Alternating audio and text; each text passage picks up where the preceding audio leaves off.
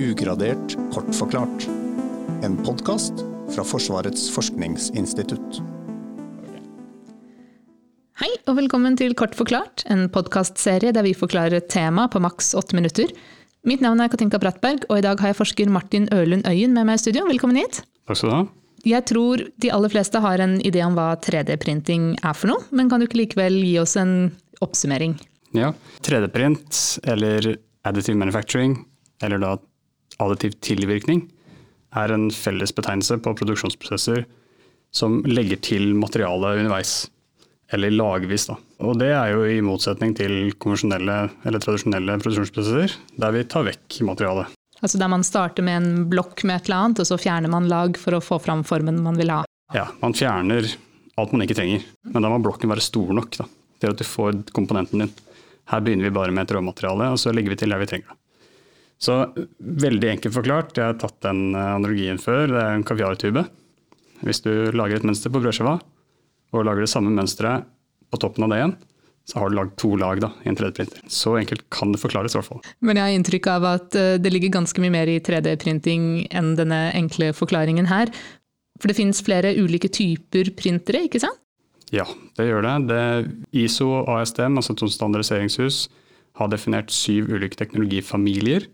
Og innad i det igjen så finnes det veldig mye mer, altså hundrevis kanskje av teknologier da, på ulike modenhetsnivå. Og Det er da først og fremst de ulike materialene som skiller disse syv fra hverandre, eller? Teknologiene er på en måte definert basert på formen av råmaterialet.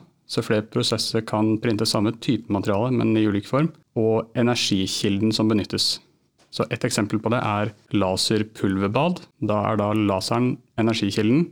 Pulverbadet, altså råmaterialet er i form av et pulver. Det kan være plast, det kan være metall, det kan være keramer. Hvordan kan man få et pulver til å bli, bli noe? Bli en komponent, ja. Det er, jeg syns det er morsomt å tenke på. For ser man nærbilder eller sakte film av dette her, så er det veldig kaotisk. Men det vi gjør i praksis, er å vi legger et tynt lag med pulver som pakker seg fint. Da må pulveret være veldig små sfærer. Og så fører man en laser over dette og smelter pulveret der laserbanen går. Og alt pulveret som ligger på bordet som ikke er smeltet, det bruker vi om igjen. Og så gjør vi det lag for lag.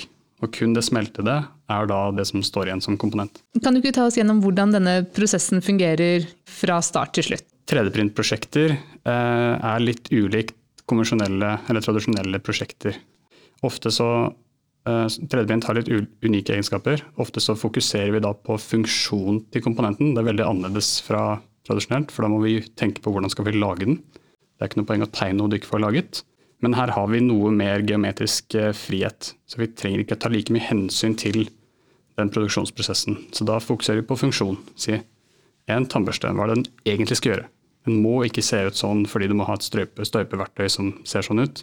Det kan være hva som helst, bare den løse funksjonen. Og når vi er ferdig med å tegne den, så bruker vi en software som ofte er knyttet til maskinen, med å dele den opp i lag. Og det blir i høyden, da. Så kutter vi den si, i, i ti lag, da er den ganske grov. I tusen lag, da er den ganske fin. Og så velger vi nøyaktigheten av sluttproduktet basert på det. Så jo flere lag, jo mer nøyaktig. Etter det så er det egentlig bare å trykke grønn knapp, og så gjør maskinen på en måte resten. Da dukker det opp en tredimensjonal modell i andre enden som vi bare kan ta i bruk.